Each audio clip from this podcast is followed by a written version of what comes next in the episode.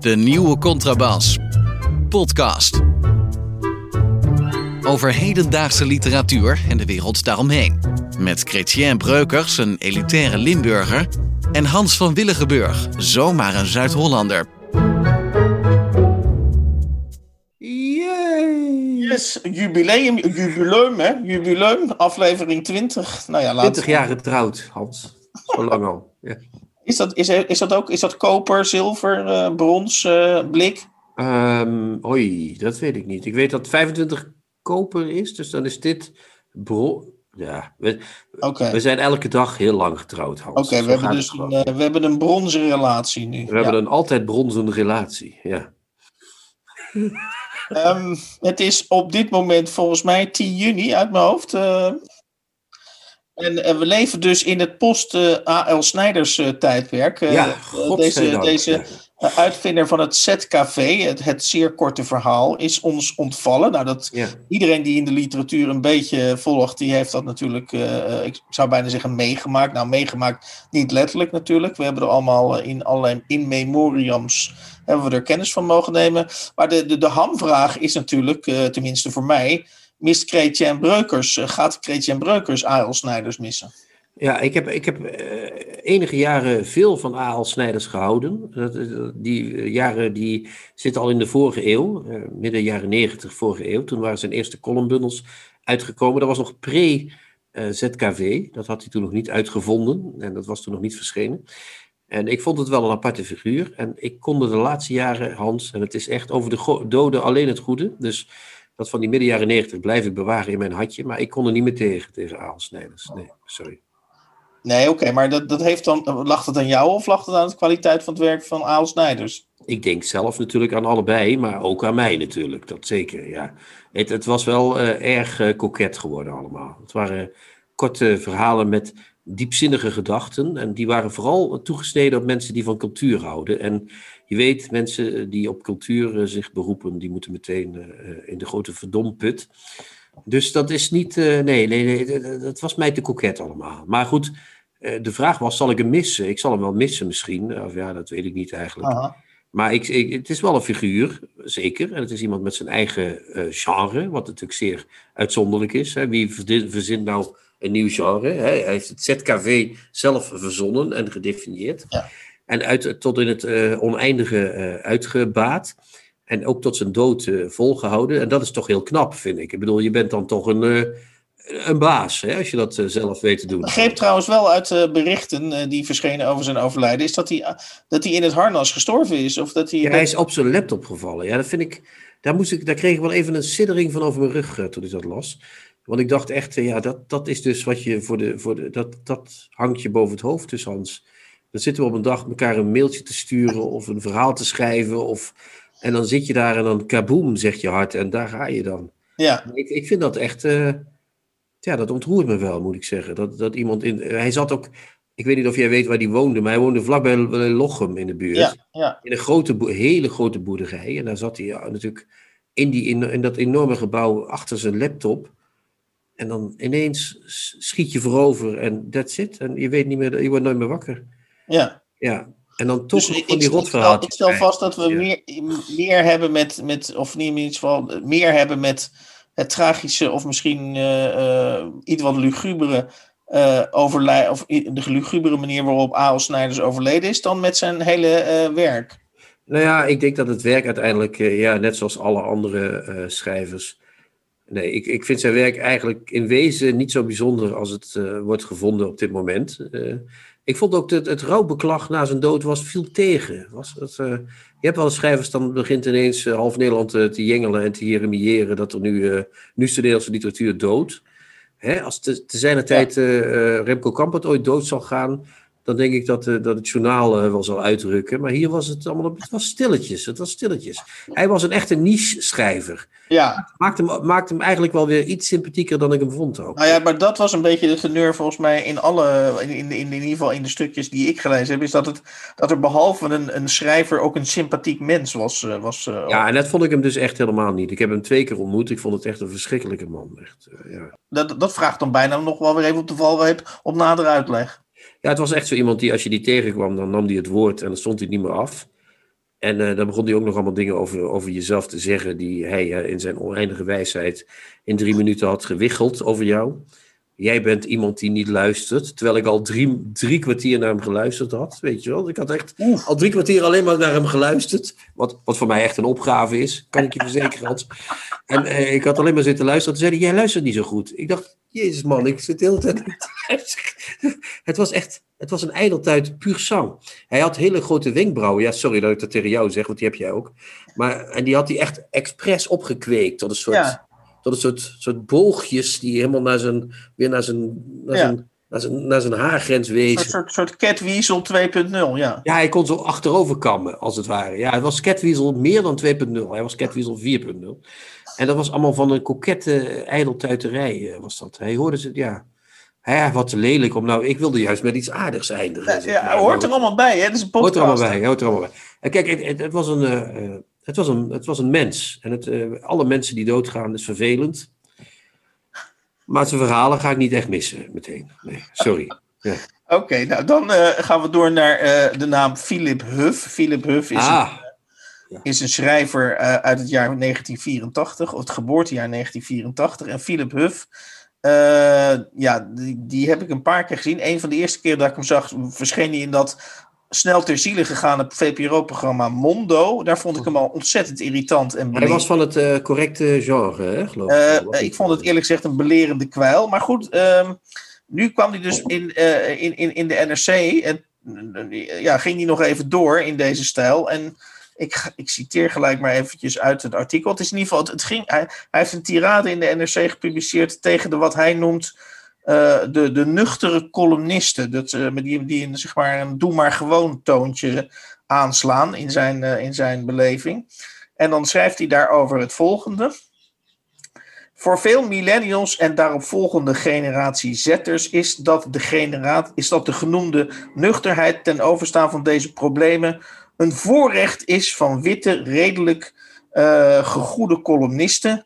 Hallo Martin Sommer en Mark Spam, die de meeste levensjaren al achter zich uh, hebben liggen en wier privileges overduidelijk verbonden zijn uh, aan afkomst en geboortejaar. Hoeveel columnisten van kleur kent deze krant tot voor kort? Vraag. Welke krant hebben we? Die NRC, hè? Ja, de NRC. Okay. Ik weet niet of ik het heel goed. Uh, en dan zijn die. Uh, oh ja, dan, en dan zijn die problemen. die dan volgens hem door die columnisten gebagatelliseerd worden. Dat zijn de problemen. Uh, ik zou bijna zeggen, dat is dan de gouden drie. de problemen racisme, seksisme en kapitalisme. Oké, okay, ja, dat zijn. Oké. Okay. Nou, ja, even, even, even, even, alvorens jij mag, over Philip Huff mag losbranden. Kijk, wat, wat mij heel erg stoort aan deze jongen. en daar hebben we dus een podcast voor, want dan kunnen, kan ik af en toe even daarin in afreageren is dat is een, het is een schrijver van het moeten. Hè? Dus hij, hij vindt dat de schrijver allerlei dingen moet. En, en nou ja, daar kan je nog allerlei dingen bij, bij, bij over denken. Maar hij zegt het op zo'n manier dat je. Hij vindt namelijk nu, in dit tijdperk van de geschiedenis, dat een schrijver, dat zei hij ook bij Mondo. Een schrijver moet zich tegenover uh, de gevestigde orde, tegenover de gevestigde structuren positioneren. Hij, of hij moet die structuren uitdagen. Ja, dat is dat. Nou ja, dat vind ik, dat vind ik een goed, dat vind ik een goede stelling. Daar ja. voor. Daar is op zich nog niet eens zoveel tegen. Nee, misschien niks. Dacht ik op, misschien dacht ik op zijn leeftijd ook dat je een aantal dingen moest tegen een aantal andere mensen. Dus daar, daar heb ik niet zoveel tegen. Alleen hij zegt het op zo'n toon dat ik denk, nou straks zijn die structuren uitgedaagd. En dan zijn de structuren zoals, uh, zoals uh, Philip Huff ze wil hebben. En weet je, dan weet ik bijna zeker dat Philip Huff dan zal zeggen. Uh, ja, ik vind eigenlijk dat een schrijver deze bestaande structuren moet, moet ondersteunen, bij wijze van spreken. Oké, ja, dan wordt het dus dan wordt het een nieuwe macht, zeg maar. Dan wordt het een beetje dezelfde val waar de 68ers in getrapt zijn. Dat we beginnen met uh, dus de mensen uit 1968, zeg je ja. even voor de jongere kijkers bij. de mensen die in 1968 zeiden we moeten de macht aanvallen. En dat toen binnen de kortste keren de macht konden nemen. Mensen, mensen zoals Hans van Mierlo, uh, Marcel van Dam, al die mensen. De, in, in, Frankrijk Bernard Henri Lévy, een beroemde tegenstander van Wellebec ook. Mensen die begonnen als revolutionair en toen de, binnen de kortste keren de, de muts van de macht opgezet kregen. En toen 40 uh, jaar lekker in die macht zijn blijven rondhangen. Dat, uh, ja. Dus jij denkt dat Philip Huff iemand wordt die als de structuren zijn uitgedaagd, dan zit hij op een leuke positie en dan blijft hij daar nog wel lekker 60 jaar rondhangen. Nou ja, goed. Kijk, en, en verder is natuurlijk, uh, vind ik zelf erg jammer, en daar word ik een beetje moe van, is dat uh, constant indelen van, hè, dus met andere woorden, het, het, verdacht maken van mensen op grond van identiteit. ja, dat is heel vreemd. Worden, hè, dus Max Pam en Martin Sommer, die kunnen niks goed doen, want, want die zijn bij voorbaat verdacht, want ze, ze zijn blank, want ze wonen in een groot huis en ze hebben iets te makkeren. Ja, we weten van die mensen trouwens niet of ze in een groot huis wonen. Ik weet dat niet. Maar goed, uh, ik, de, de, schrijvers moeten zich niet, moeten, niet, moeten niks trouwens. Schrijvers zouden zich beter niet met het moeten kunnen bezighouden. Dat is wat, het, uh, wat Philip ja. Huff hier fout doet. Uh, schrijven is ruimte scheppen en schrijven is niet ruimte afbakenen. En Philip Huff doet niks anders dan ruimte afbakenen. En dat vind ik heel jammer, want ik vind zijn boek nou, nou ja, dan ben ik, ik heb het echt zo goed voorbereid. Maar de, het, zijn debuutroman, die ook verfilmd is, vandaag in deze, nee, niet vandaag in deze stad, want dat is een titel van mezelf. Um, maar die heeft een uh, eerste roman geschreven. En die ga ik nu, ben ik, ik ben nu live aan het opzoeken. En die is echt heel goed. Niemand in de stad heet die. Prachtig ja. boek. Niks ligt daarin vast. Iedereen loopt daar rond. En dan denk ik, ja, dat is wat de schrijver moet doen. Die moet uh, ja. mogelijkheden scheppen. En nu gaat hij zeggen, Max Pam, die is oud en die is al heel lang in de krant en die mag niet meer in de krant. Want die is ook nog racistisch en weet ik veel. Ja, het die wordt, neemt het racisme, seksisme en kapitalisme. Dus uh, die reageert daar te nonchalant op. Ja, en dat is heel jammer. Want een talent als Philip Huff moet ruimte scheppen. Hij moet niet zeggen, mensen moeten weg en dood en eruit. Nee, die moeten, iedereen hoort erbij. En wij maken iets en ik maak iets.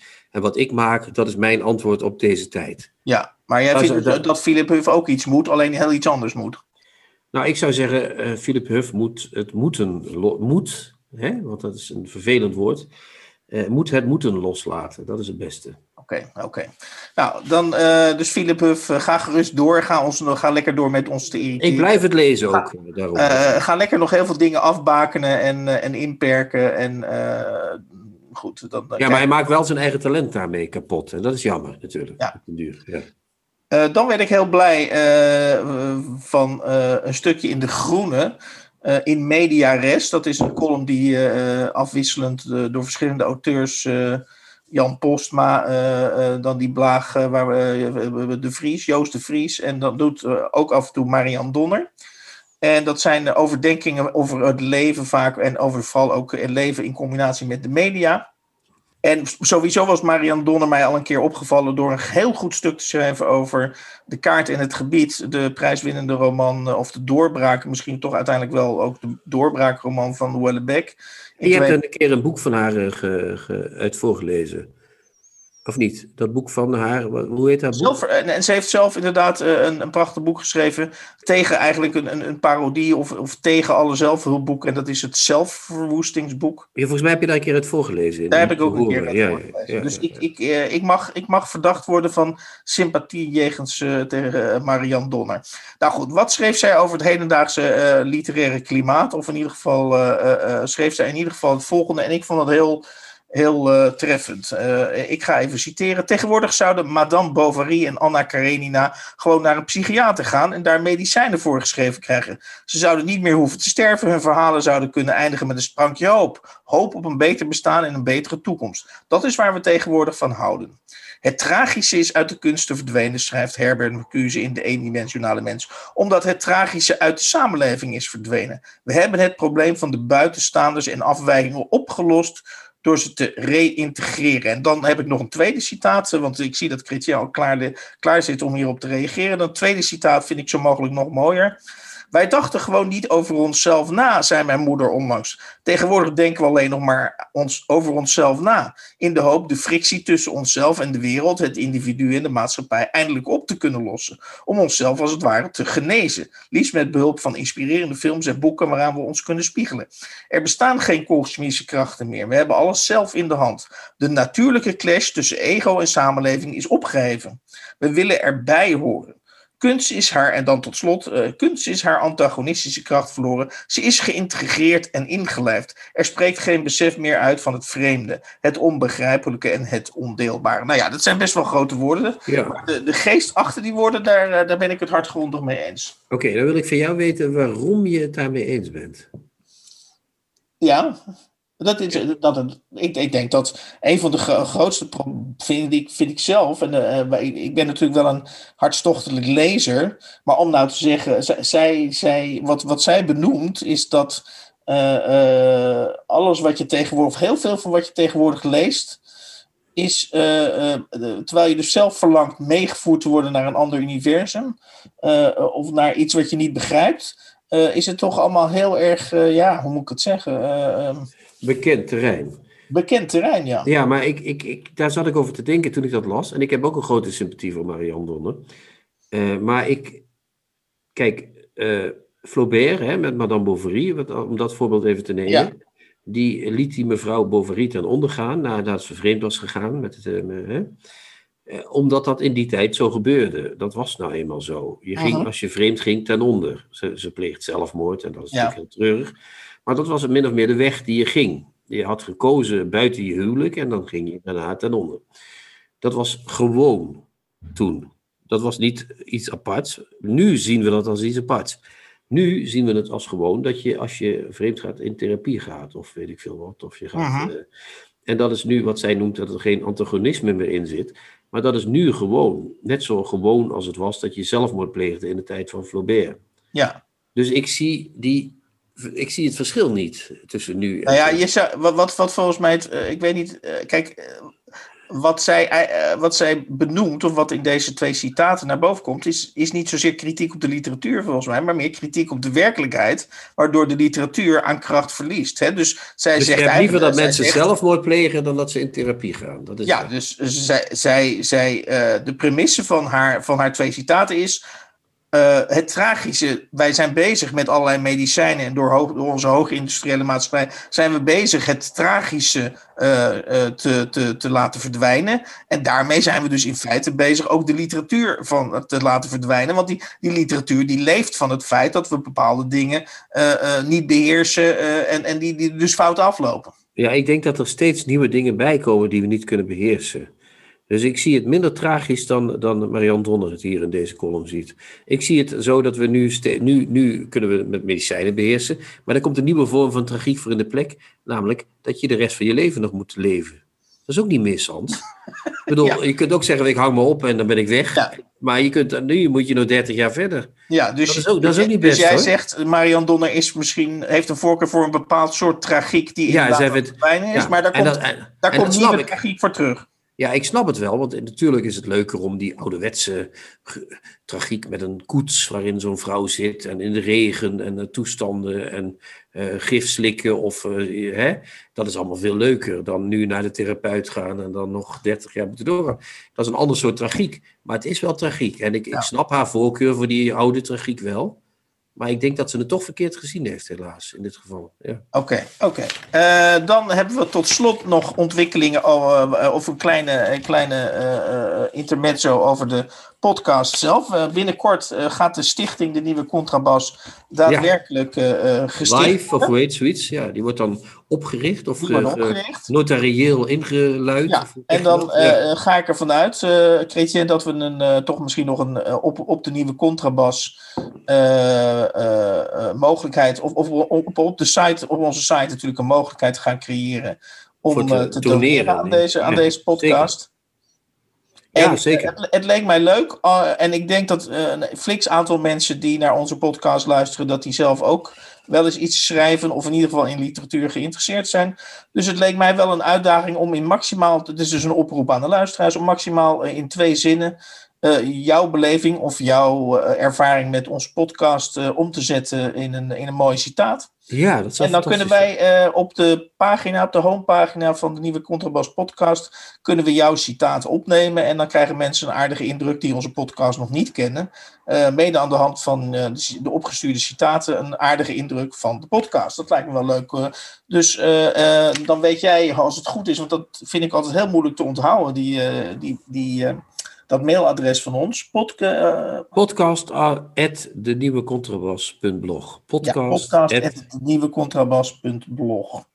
stuur op en eh, citeer. Ja, maak iets moois. Ja. Citeer. De Black Box. Hoe schrijvers schrijven. Welkom bij uh, Blackbox, uh, de rubriek uh, waarin tot nu toe twee auteurs te gast zijn geweest. Lise Spit, zij is meer van de marathons, boeken van 500 bladzijden plus. En Delphine Leconte van het korte verhaal en het gedicht. we hebben nu een de, romancier te gast, iemand die haar debuutroman heeft geschreven, Ine Boermans. De, de roman heet Een opsomming van tekortkomingen, is dit jaar verschenen bij uitgeverij Orlando. En uh, de vraag die we als eerste wilden stellen, wie is, uh, nou ja, niet wie is Ian Boermans, want dat kunnen we allemaal zelf opzoeken, maar een debuutroman. Ine, wanneer ben jij begonnen met schrijven? Eigenlijk na de geboorte van mijn oudste zoon, zeven jaar, net zeven jaar geleden, toen, toen ben ik eigenlijk begonnen, heb ik me ingeschreven voor een beginnerscursus bij Nicolie Musee. En Ah, waar dan? Een cursus waar? Nee, nee ja, via de schrijversvakschool, maar het was in Den Haag. Bij, ja, gewoon zo'n beginnerscursus. Waar overigens niemand was een beginner behalve ik. Iedereen echt was wel helemaal geen beginner. Maar uh, ja, was de enige, was de enige beginner. beginner. in die cursus. En je was zeven jaar geleden, dat, is, dat is eigenlijk was je nog best. Uh, de meeste mensen zeggen dan: ik zat op mijn achtste al in schriftjes te schrijven. Ja, nee, dat had ik echt helemaal niet. Ik, nee. ik maakte kunst en eigenlijk niet dat ik slecht ben in kunst maken, maar ik was heel slecht in het, in het uiteindelijke eindresultaat overdragen. Uh, dus ik zocht eigenlijk een manier om toch het, een, mijn verhaal te kunnen vertellen. En uh, ja, ik dacht eigenlijk altijd, nou misschien kan het wel schrijven zijn, maar nou zolang je het niet doet, weet je ja, ook niet of je er misschien heel slecht in bent. Dus uh, toen heb ik dat heel lang uit. Dat klinkt niet heel bemoedigend. Nee, nee, maar hoort. ik dacht van ja, dan, uh, dan kan, ik, kan ik het misschien niet. Dus ik wilde het wel ook echt kunnen. Dus ik, uh, heb ik, eigenlijk heb ik eerst een vriendin gevraagd om een, om een verhaal wat ik had geschreven, waar ik zelf wel blij mee was. Dat was dan ook wel echt het eerste eigenlijk wat ik echt schreef. En, uh, maar ik was... en dat komt, speelt zich ook allemaal af na de geboorte en, van Ja, je... eigenlijk wel. En toen heb ik ook gevraagd van, ja. is dit wat? Is dit goed genoeg om te gaan kijken of ik misschien kan verbeteren of uh, om les te nemen. En toen zei ze van ja. En uh, toen heb ik me ingeschreven voor die beginnerscursus. En daarna ben ik naar de schrijversvakschool gegaan, een jaar. Oké, okay. en wat leerde je daar dan? Op die schrijversvakschool? Ja, wat leer je daar? Want dat ben ik nooit geweest. Nee, dus. Ik ben altijd heel nieuwsgierig als mensen daar zijn geweest. Ja, nou, um, ik kreeg bijvoorbeeld aan het begin kreeg ik echt schrijfles. Dus dan krijg je opdrachten van... Uh, schrijf 300 woorden uh, dialoog of zo. Of een innerlijk, een, uh, een, een innerlijk monoloog innerlijk, zo. En dan nou, moest ik dan opzoeken wat dat dan in godsnaam was. En, uh, en dan ging ik daar, en dan, dan, dan ging je dat bespreken. Dan moest je ook voorlezen. Dat vond ik echt zo vreselijk ook. Maar ja, en toch deed ik het wel. Waarom is dat vreselijk? Omdat mensen dat dan Ja, horen, je of, zit daar dan met zwetend... Uh, ja, en volwassenenonderwijs is toch echt anders dan bijvoorbeeld de kunstacademie. Want mensen hebben al een bepaalde... Ja, sommige mensen zijn al heel lang bezig met schrijven. En uh, ja, het is gewoon anders. Uh, maar ik had er wel altijd de zenuwen van, maar ik deed het toch. En, ik, en daardoor merkte ik van, ja, ik wil dit wel heel graag. Dus ik deed wel echt mijn best. Maar ik kreeg bijvoorbeeld ook poëzie van Gerry van der Linden, die ik echt super leuk vind. Maar ik ben daar echt heel erg slecht in. Maar uh, ja, en dat geeft dan ook niet. Of zo. En ik heb er toch wel wat van geleerd. Maar je, zei, ik, je zei, ik wilde het heel erg, erg graag. Dat, uh, het, de manier waarop je er nu over praat is eigenlijk dat, je, dat ik denk, nou, dat was, dat was, of tenminste, er waren een heleboel dingen ook, of je moest er toch wel aan wennen. Maar wat was, wat was het element waarvan je dacht, nee, ik moet dit doen, dit is het wel? Nou, ik had wel het vermoeden dat ik uh, een eigen toon had, of een eigen.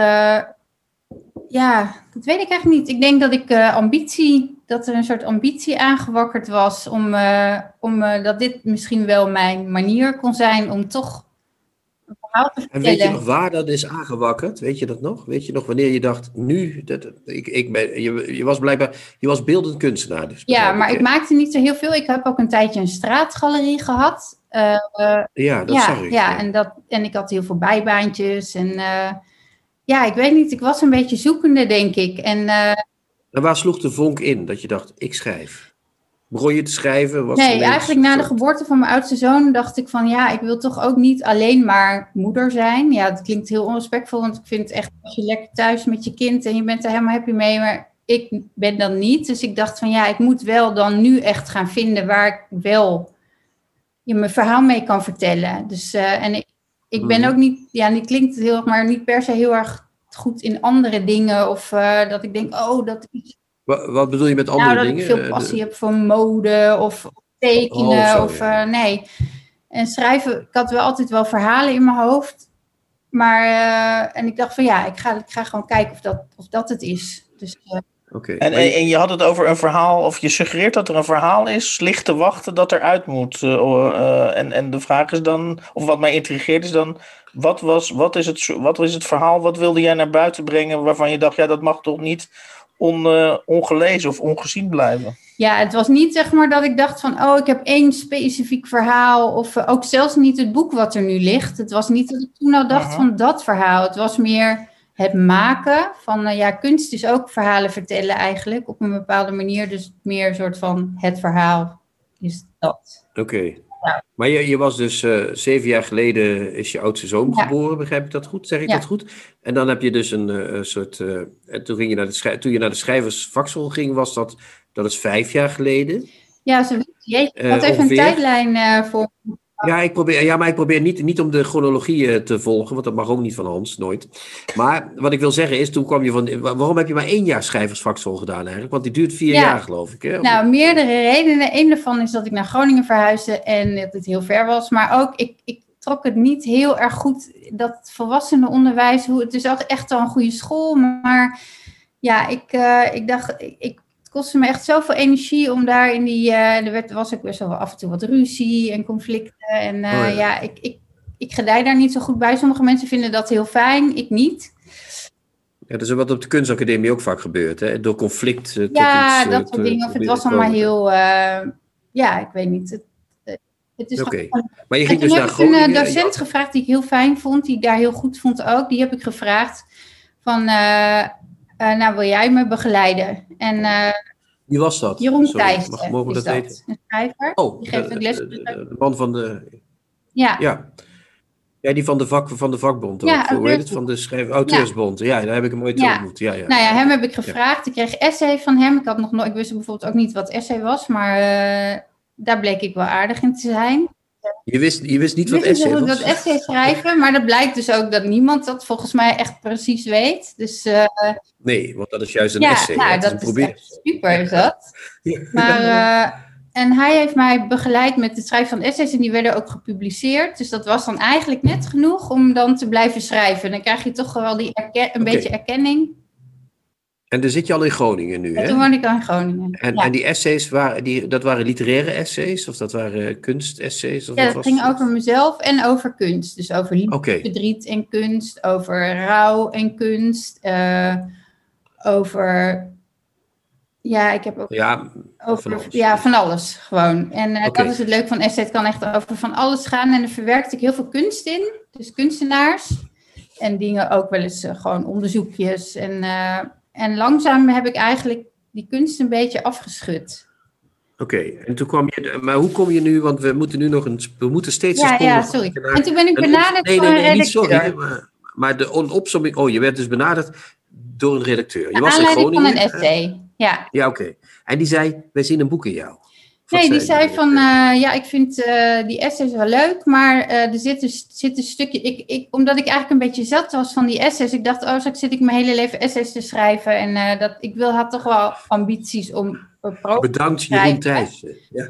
Ja, ja, Nee, S, S, S, essays blijven schrijven, dat is inderdaad, dat kunnen we... Dat, Je kunt het ja. zien aan Rudy Kousbroek. Dan was je nooit bij de in de nieuwe contrabas uitgenodigd als je alleen Nee. maar essays had geschreven. Nee, maar, maar. Rudy Kousbroek is er ook aan dood gegaan, dus dat kan niet. Dat Ah, kan niet goed voor de mens. nou, Ja, die, is had ook, die heeft alleen maar essays schrijven, geschreven. Dus ja. bijvoorbeeld, Ja. maar eh, ja. Nou, oké, we- er kwam een Maar, maar we redacteur. genoeg chronologie, hè? Daar ben je Nee, nee, nee, nee, nee, we moeten de redacteur nu, nu want dat vind ik wel Ja, leuk. Zei ik wil nu weten, ik wil nu weten hoe Ine echt schrijft. erin, eh, ik heb Nee, nee, maar... proza erin gestopt. Oké, En, eh, en die had hij opgepakt van, oh, wat een leuke sprankelende stukje, stukjes proza zijn dat. Heb je wel eens gedacht aan het schrijven van een boek? En Oké. dat had ik misschien uit mezelf niet gedurfd, of was over heel erg lange tijd. Maar nu... en toen eh, ging je een boek schrijven toen dus. En hoe ging dat? Ja, Hoe, hoe, is dat? hoe is dat gegaan, dat schrijfproces van dat boek? Daar ben ik heel benieuwd naar. nou, moeilijk. nou, ik... eh, ehm, Het is niet dat ik een heel erg eh, gestructureerd uh, van nou, ik sta op en uh, dan ga ik zitten en het komt. En nee, het is best wel een beetje een worsteling. Want ja, ik doe eigenlijk best wel vaak liever iets anders, merk ik. Dus ja, Terecht, het is ja. vooral het moment dat je gaat zitten en dat er niet meteen iets komt. Dat gat, zeg maar, daar, dat probeer ik te alle tijden te voorkomen.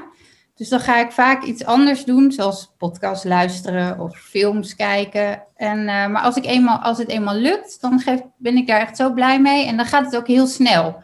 Dus ja, maar je zegt wel iets heel moois. Hè? Je zegt nu eigenlijk, je probeert het gat. Dus als je gaat zitten en het komt even niet, dan, dan, dan vlucht je, of dan ga je snel iets anders doen. Je zou, je zou ook kunnen zeggen, dan moet je juist even blijven zitten. Maar dat doe jij ja, maar, dus niet. maar volgens mij is dat zo dat.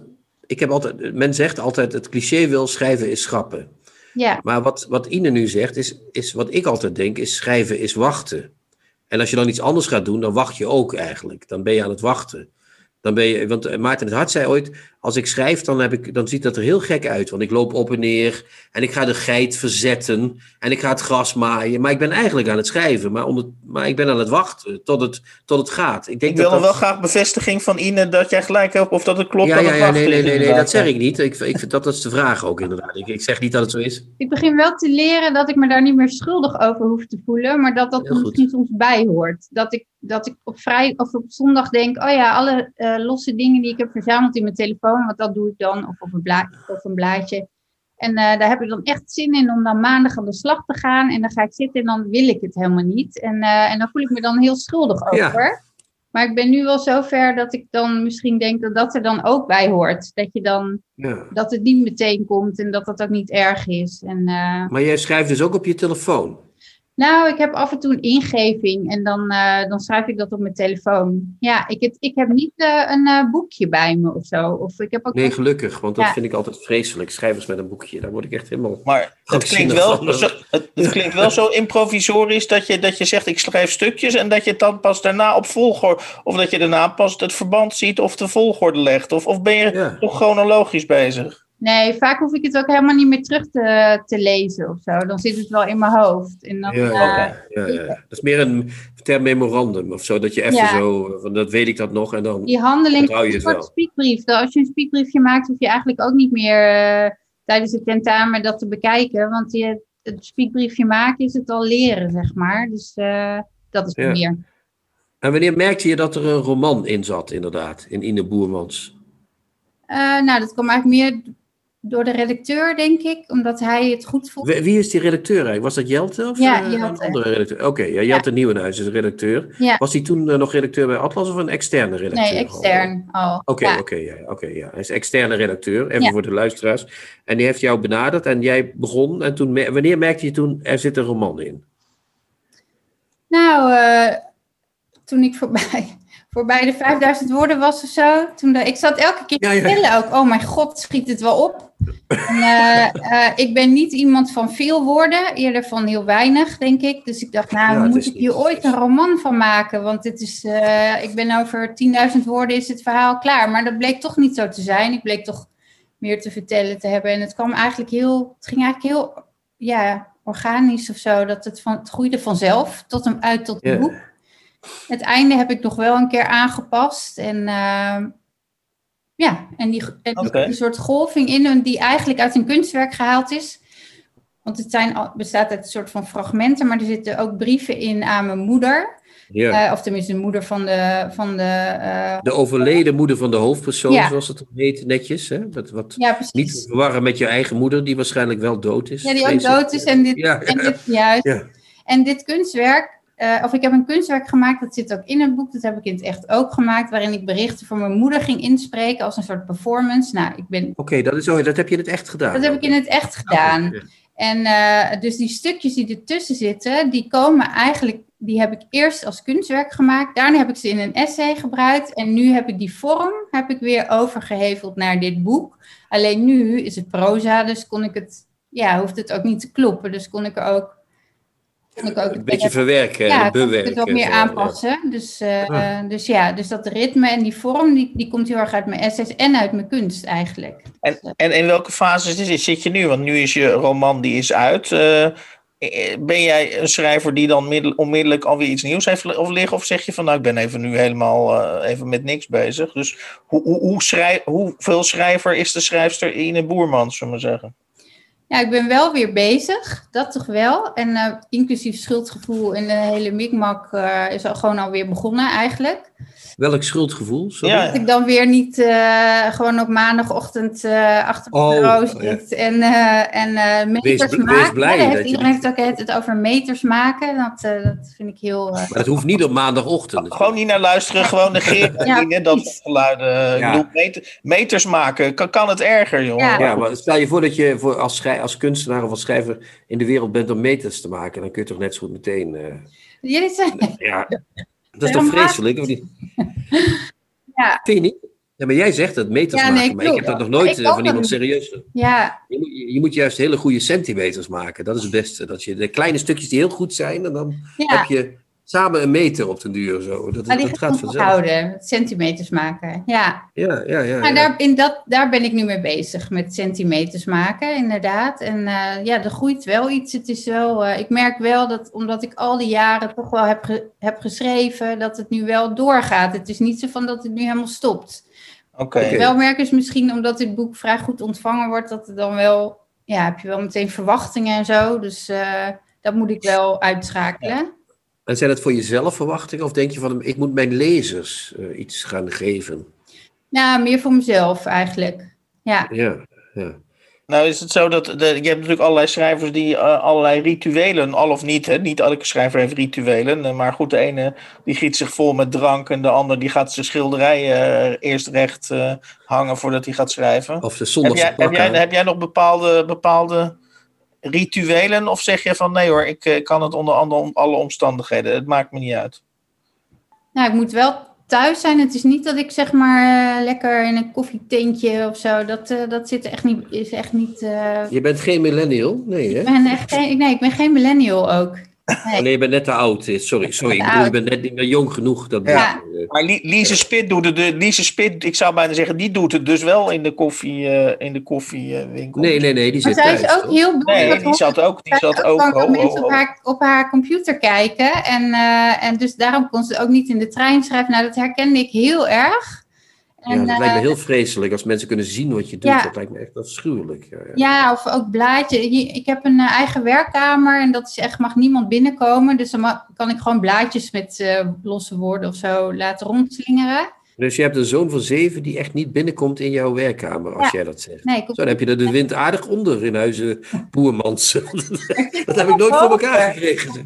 Oh ja, ja, die kan ook niet de trap op of zo. Nee, ja, ja ik, inderdaad. Hij is best wel braaf eigenlijk. Ja, Ja, heel goed, heel goed. Dat heb je goed gedaan. Eh, Ja, want ik- die- bij mij kwamen ze voortdurend. eh, Oh, ik zou helemaal gek worden daarvan. Ja, ja.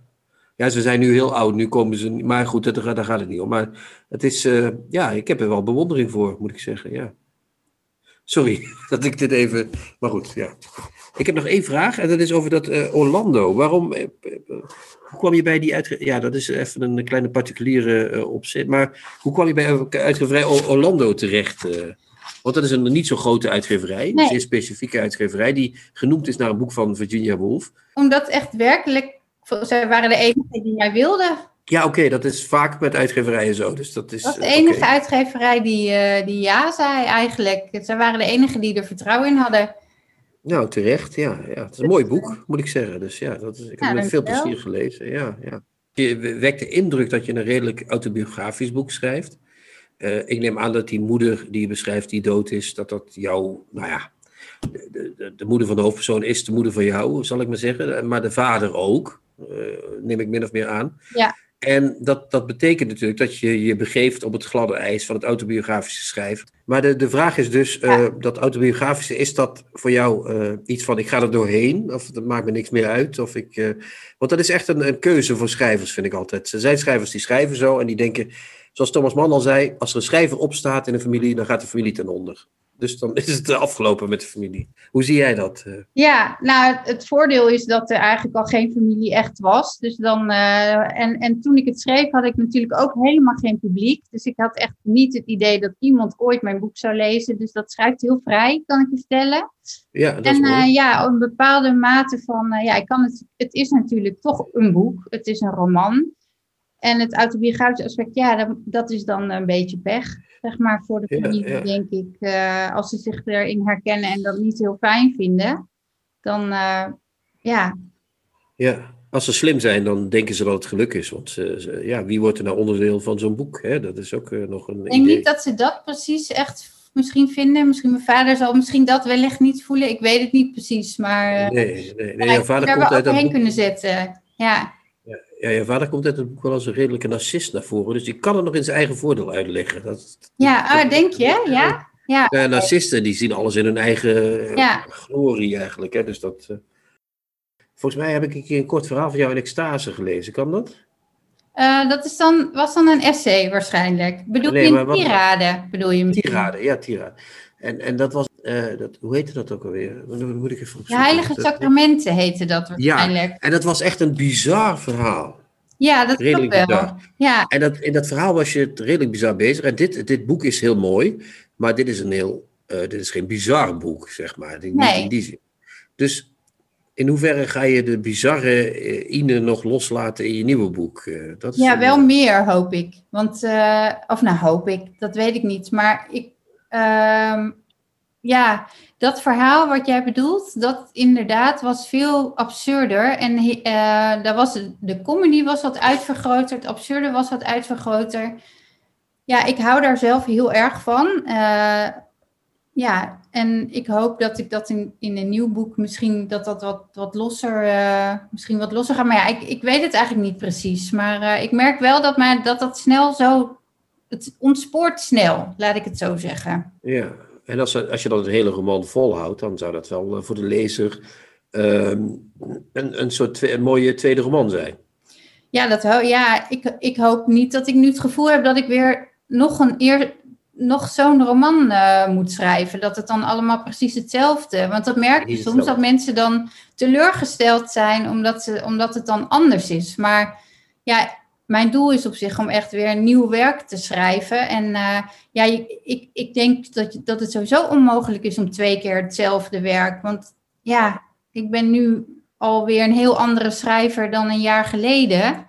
Maar die korte verhalen, ja, het- die zijn mij heel dierbaar. Maar ik moet wel zeggen dat die kreeg ik echt, nou, behalve aan tirade dan, waren die niet makkelijk te slijten, kan ik je vertellen. Want dat vonden ze allemaal zo raar en bizar. Wat ik ook wel snap, want dat waren ze ook wel. Maar eh, ja, dat is wel iets, dat is wel misschien ook wel mijn schrijfstijl. En ja, dat nou altijd in toom te moeten houden, vind ik ook een beetje jammer. Nee, gewoon de teugels los en huppakee. Zo. Tips van de week. Boeken, artikelen of pamfletten die boven het maaiveld uitsteken. Dan zijn we nu bij eh, de rubriek tips aangekomen. En vaste luisteraars van ons die weten dat eh, we vrij recent eh, van koers zijn veranderd. Namelijk waar we vroeger los van elkaar wat tips gaven. En bepaalde boeken waar we zelf veel plezier aan hadden beleefd. met veel enthousiasme probeerden over te dragen op de luisteraar, luisteraars. Eh, lezen we, en ik, sinds kort allebei he- hetzelfde boek. In dit geval zelfs dezelfde boeken. Want we gaan vandaag twee boeken bespreken.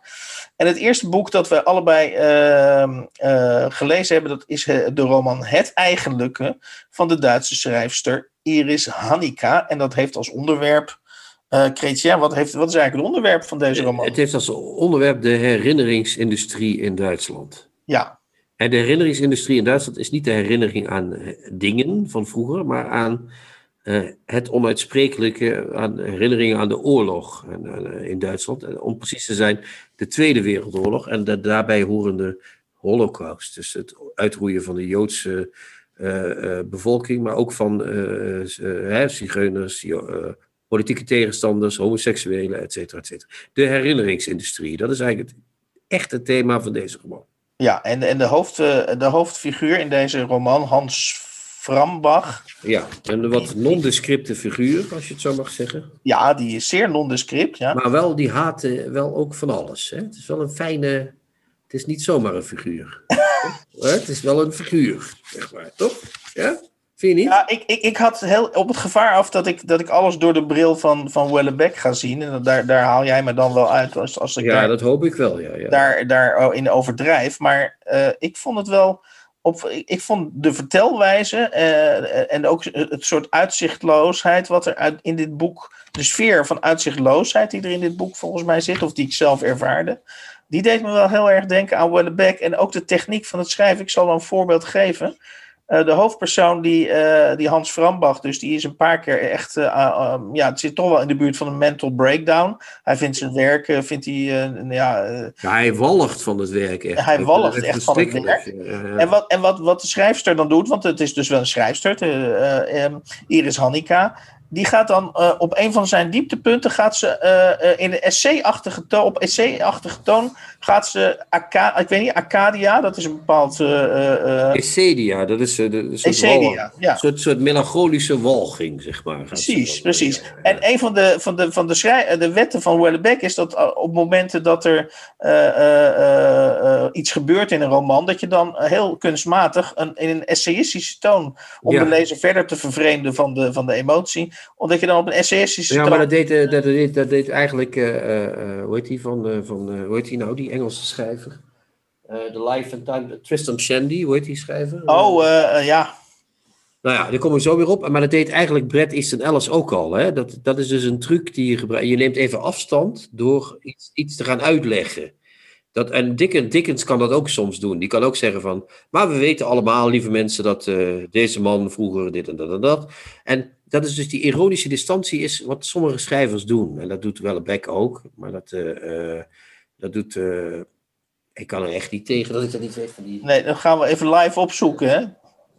Lawrence Stern. Lawrence Stern. Lawrence Stern, ja. ja. Maar dat, dat, en dat doet Alice ook. En dat, echt, sommige schrijvers hebben dan de neiging om even een stap terug te zetten en dan gaan ze iets uitleggen.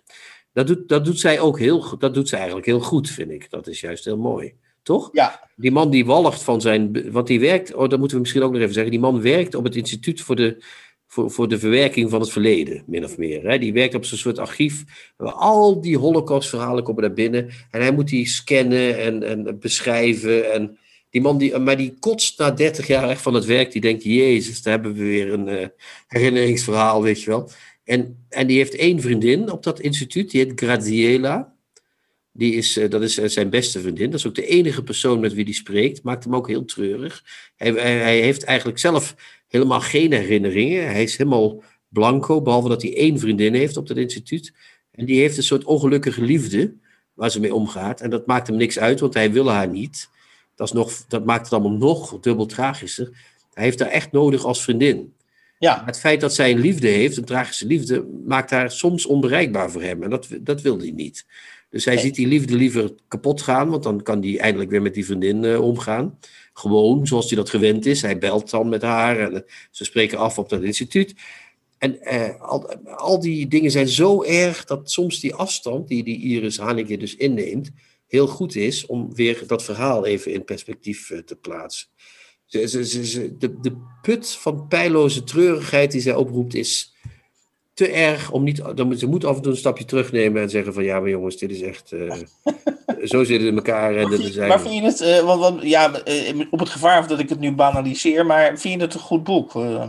Ik vind het een heel goed boek, en ik vind het, maar ik vind het geen topboek. Als ik het zo mag zeggen. Ik vind het echt een. Het, het is een Iris Haneke die net trouwens met een ander boek van haar.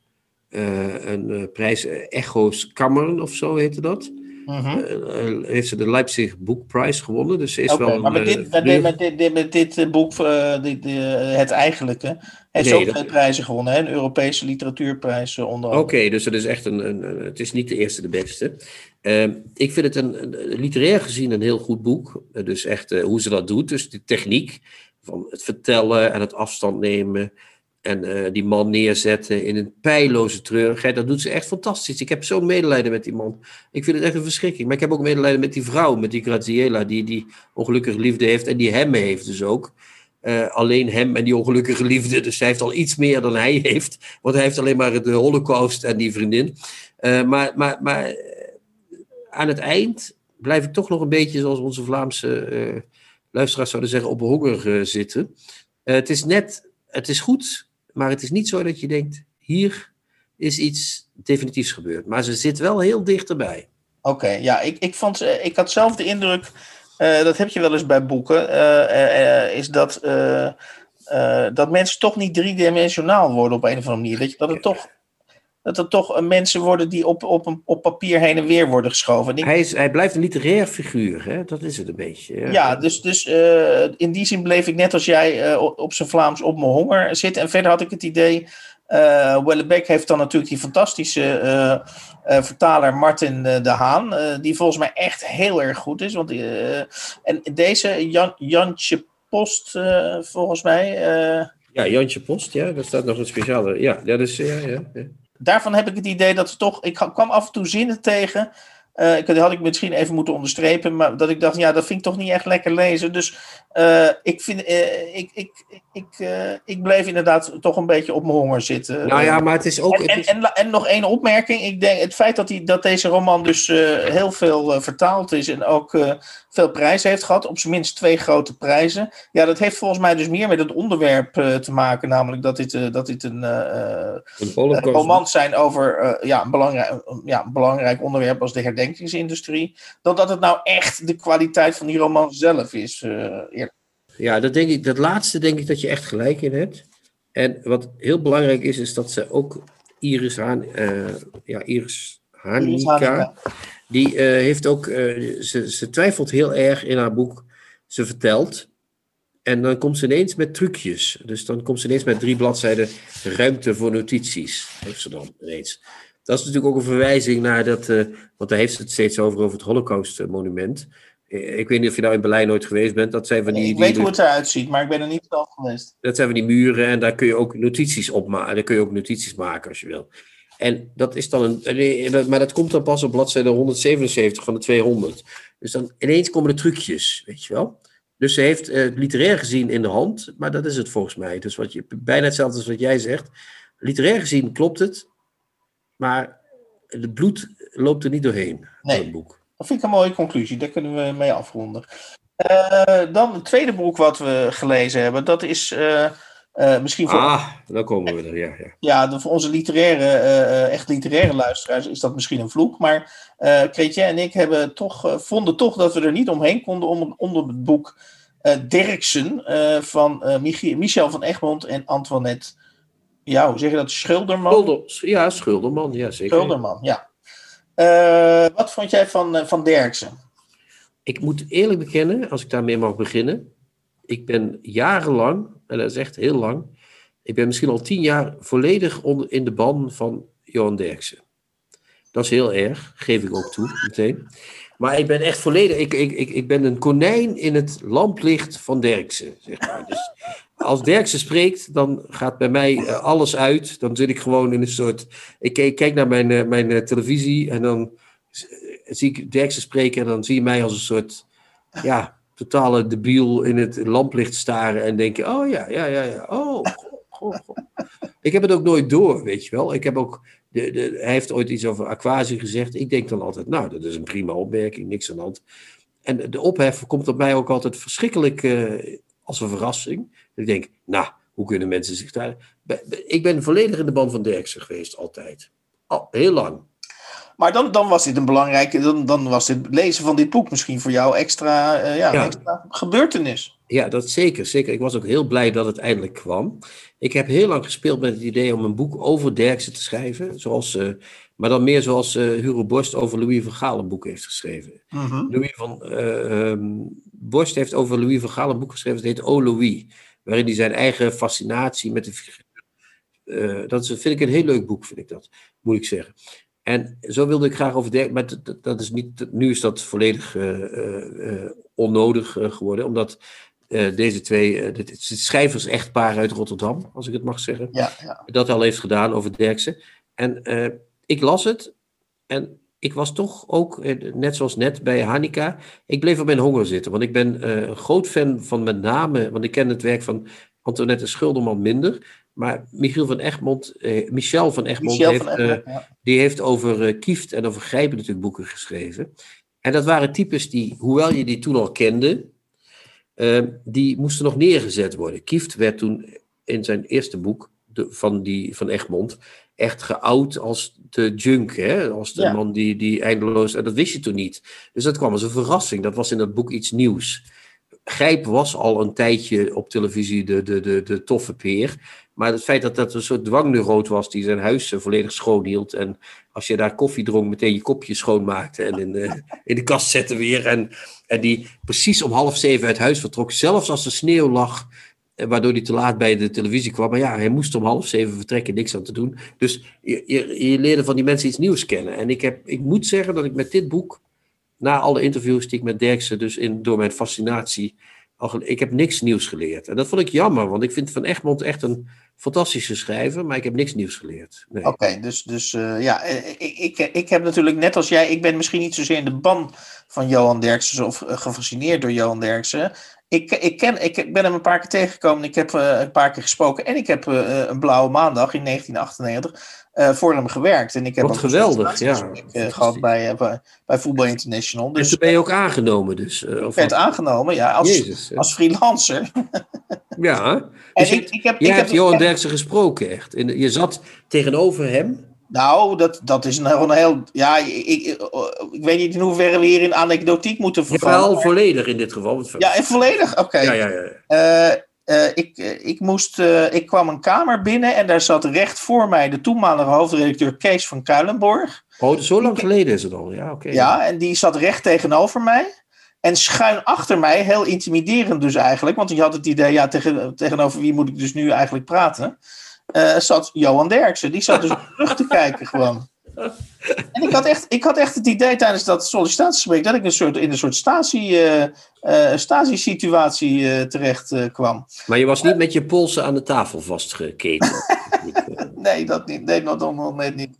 jammer, goed, jammer, jammer. Dus, ik, dus ik, heb, ik, heb het, ik heb het boek ook met heel veel interesse gelezen. En ja, ik, ik, ik, maar, maar mijn, mijn, mijn blik werd dus vertroebeld in zekere zin door mijn eigen ervaringen bij Voetbal International. En het enige wat ik daarvan kan zeggen is dat het heel, heel, heel goed getroffen is.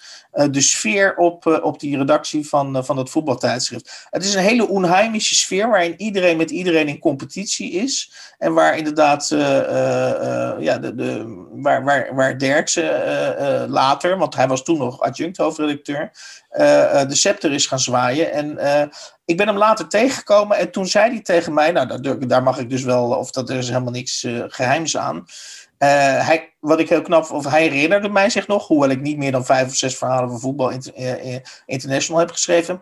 Maar hij zei: Hans, wees blij dat je niet in die voetbaljournalistiek door bent gegaan. Want het is eigenlijk, het is nauwelijks nog journalistiek. Overal, alle, alle interviews moeten doorgelezen worden door de, door de spelers. Ja. Spelersmakelaars. Ja. Dus hij was eigenlijk heel erg realistisch over de tak van sport. Waar hij zelf in, uh, in zekere zin in uitblonk. En dat vond ik heel, uh, vond ik heel sympathiek eigenlijk. Ja, ja. Ik heb, ik heb, ja, dat vind ik het leuk om te horen. Want dat wist ik niet. Dat hadden wij nog nooit op die manier besproken. Misschien nee. hebben we dat ooit besproken, maar dat, heb ik, dat wist ik niet. Wat ik wel jammer vind van het boek, en dat heeft weer te maken met wat ik net al zei. Kijk, bij Kieft en Gijp, en ook zelfs bij het boek wat Van Egmond schreef over de zaakwaarnemer Rob Jansen. Rob Jansen, ja. Heeft hij ook een boek over geschreven? En heb ik ook gelezen. En uh, ook het boek over de topshow. Dat was dus ook al over die voetbal uh, Insight, wat toen nog voetbal. Dat heette toen nog anders. En nu heet het Veronica Insight, sorry, toen heette het Voetbal Insight. Dat schreef hij ook over. Uh, bij het boek Derksen komt er geen geheim meer in het verhaal. Er zit geen geheim meer in het verhaal. Alles is, is al bekend, min of meer. En dat, dat is jammer van het boek, want als je een boek leest met een geheim, dan, dan denk je, oh, hier kom ik iets te weten wat ik niet. Bij Derksen is het meer zo van: dit is, dit is meer een samenvatting van Derksen. Dit is alles wat we ooit over Derksen gehoord hebben. Nog één keer goed uh, op een rijtje gezet. En uh, ja, ik, ik, heb een ik moet wel zeggen dat ik grote bewondering heb voor de schrijver van Egmond. Die heel goed die fragmenten weet te monteren aan elkaar. Waardoor je iedere keer denkt: nou, als je denkt nou, dit duurt te lang, hè? zoals jij bij mij altijd hebt, zeg maar ons. Hè? Dat je denkt, nou begint Christian te, wauwelen. Dan, dan gaat Van Egmond meteen, dan denk je, oh, volgende bladzijde. Ineens heeft hij een andere, dan denk je, ah, hij heeft het ook door. Dus het is een geweldige schrijver, die zich aan Derksen misschien vertild heeft, omdat het, ja, Derksen is te bekend. Hij was te bekend op dit moment. Er valt geen boek meer over te schrijven over die man. Tommy. Chrétien reageert op de nieuwste schrijfsels van succesauteur Tommy Wieringa. En dan is nu weer het magische moment aangebroken. We gaan het hebben over Tommy Wieringa. Ja. Uh, een, een figuur die ons, eh, eh, we hadden het net over Johan Derksen, eh, die ons toch ook wel fascineert, uh? Ja, Tommy blijft fascineren. Tommy is een. Tommy, is, Tommy is in mij. Zeg maar. Ik ben net als God, is Tommy in mij opgegaan. Ik ben, ben, ik ben Tommy. Tommy is mij en ik ben Tommy. Ja. Geldt dat voor jou ook al zo, Hans, of niet? Of ben je nog niet zo ver? Uh, het is wel zo dat hij uh, door deze rubriek, waar ik, waar ik, waarvan ik enige afstand probeer te houden, maar ik ben, er, ik ben er de vorige keer ook al bijna ingetrokken in die Tommy. Dus ik, ja. ik, ik denk dat het nog ongeveer vier weken duurt, of vier afleveringen kan ik beter zeggen, tot ik, tot ik jou kan nazeggen: Tommy is in mij. Ja, maar je bent nog niet zo ver dus. Nog nee, ik ben nog, in, zeg maar, ik ben nog stapsgewijs die kant op aan het gaan. Oké, ja, maar je hebt, heb, je, heb, je, heb je Brommer op Zee gezien zondag? Nee, dat, dit, dit, de vorige keer heb ik dat dus gezien en nu niet. Dus je moet mij even uitleggen wat er in Brommer op Zee gebeurd is. Nou, Brommer op Zee, dat had, dat had deze keer een aantal items. Onder andere K. Schippers, ook prachtig. Hadden we eigenlijk ook, kunnen we het ook nog wel eens over hebben. Want die uh, gaat binnenkort dood, dus dat gaan we dan doen. Uh, maar uh, Tommy, was, Tommy is, ehm, was nu voor de leesclub weer aanwezig. Ja, want ze hadden natuurlijk allemaal, dat weten we van vorige week, ze moesten allemaal Joe Speedboat gaan lezen, toch? Ja, ja, ja. En er zaten twee meisjes, vrouwen moet ik zeggen, jonge vrouwen zaten daar. Want, eh, sorry, dat is mijn uh, walgelijke witte oude leeftijd die hier opspeelt dat ik zeg meisjes. Maar die, die, er zaten twee vrouwen, en jonge vrouwen, en die begonnen te spreken over Joe Speedboat, wat ze gelezen hadden. En het, het vreemde was dat ze op een gegeven moment het hadden over leuke boeken en grappige boeken en prachtige boeken. En ook begonnen ze op een gegeven moment te zeggen dat dat. Ja, je had, je had ook de zeven zussen van. Eh, van, van, van eh, ik weet niet eens wie dat schrijft. Riley, goed, ja, Riley, Riley. En die, die, Lucinda Riley, Ja, dat, is ook, dat was ook lekker lezen, was dat. Net zoals het boek van Tommy. En Tommy gaf geen krimp, hè. Die zat erbij. die, die, zei niet van, godverdomme, die zeven zussen, dat is al, dat is al twee jaar, is dat een doorn in mijn oog op de bestsellerlijst. En dat moet eraf en dat moet weg. Nee, die bleef gewoon zitten en die zat daar weer met zijn spijkerpakken. Fantastisch. Dus Tommy bleef gewoon, die gaf geen krimp. En die zei, die, die zei zelfs op een gegeven moment, want een van die meisjes, die dat, een van die vrouwen, sorry, die dat uh, zat te vertellen, zei die zelfs, geef die vrouw een boekenprogramma. Ik dacht, nou, dan zitten we de rest van ons leven met uh, de zeven zussen opgeschreven. En af en toe een uh, Joe Speedboat voor de afwisseling, omdat dat ook leuk is. Dus hij was gek genoeg, ondanks het feit dat hij zo, ja, dat zijn ego toch redelijk monumentaal is, mag je wel zeggen, ging hij ineens in de bescheiden rol zitten. Was echt fantastisch om te zien ja. een bescheiden mens. Het was, hij moest zich tot het uiterste inkrimpen om dat te kunnen, uh, voor elkaar kunnen krijgen. Maar hij was er wel. Hij was bescheiden op zijn eigen. Maar mogen we dit psychologiseren? Mogen, mogen we eventjes hier dieper waarom jij denkt dat hij zich hierin... Ja, dat, dat, dat, dat zal ik je vertellen. Ik, ik, denk dat hij dat wil, omdat hij natuurlijk ook bij die vrouwen die van de zeven zussen houden, wil hij, wil hij, daar wil, die wil hij ook hebben. Dat zijn 700.000 lezers, Hans. He? Daar moet, Tommy wil het hart van die 700.000 lezers en vooral lezeressen ook bereiken. Dus als die vrouw zegt, ja, dat, dat, dat, dat leuke leeservaringje van de zeven zussen, dan denkt Tommy niet, fuck you met je zeven zussen. Nee, dan denkt hij, ja, ik wil bij die zeven zussen in bed stappen. En ik wil de achtste zus worden. Hè? En ik wil ook uh, mee in de, in de, in de, in de, in de, ja. In, in de, ja, nee, dat was echt een ontluisterend dat was ook mijn, Dat was mijn guess ook. Dus de, dat hij, dat hij, hij vindt, hoe, hoe, zeg maar, in literair opzicht hij ook neerkijkt, wellicht op Lucinda Riley, denk ja, uiteindelijk... Nou, en laten we niet vergeten dat hij ook een keer heeft neergekeken, want dat hebben we ook behandeld vandaag.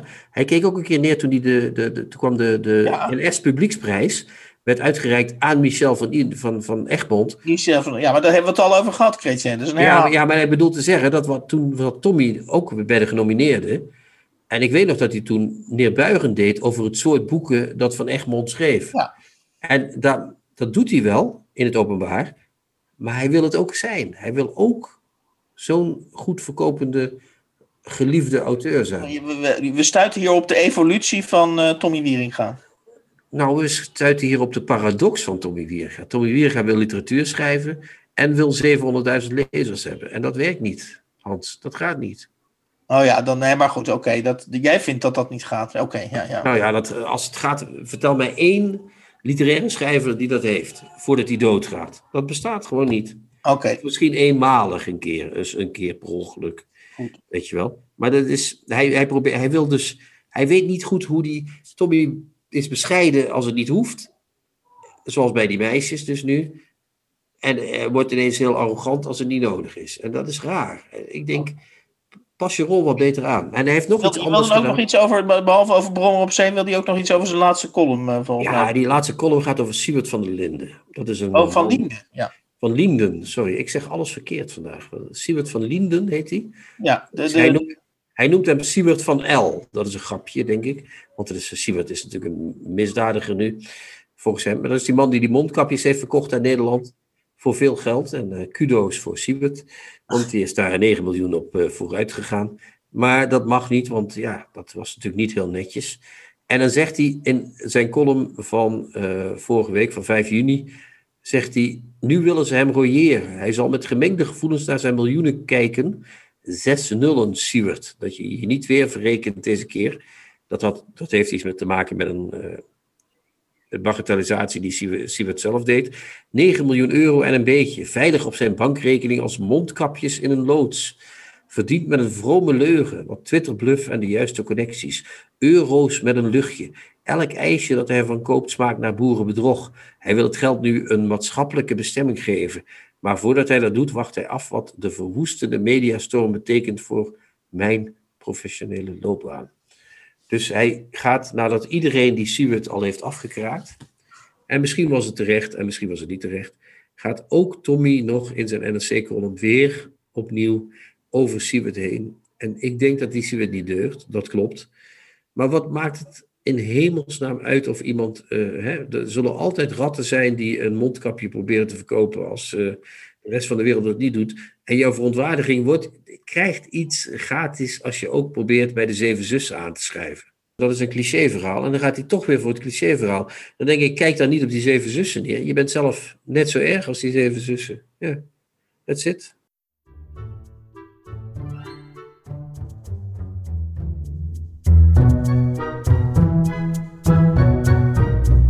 De nieuwe Contrabas. Podcast. In deze twintigste aflevering van de nieuwe Contrabas podcast kwamen eh, de volgende boeken voorbij. Eh, Iris Hannika schreef eh, Het Eigenlijke over de herinneringsindustrie. En dat werd vertaald vanuit het Duits door Jantje Post. En is verschenen in 2021 bij de Arbeiderspers. Verder bespraken we eh, het boek Derksen van eh, Michel van Egmond en Antoinette Schulderman. En dat is verschenen ook in 2021 bij Insight. En tot slot eh, spraken we met Ine Boermans. En zij schreef de roman Een opsomming van tekortkomingen. En dat verscheen bij Orlando in 2021.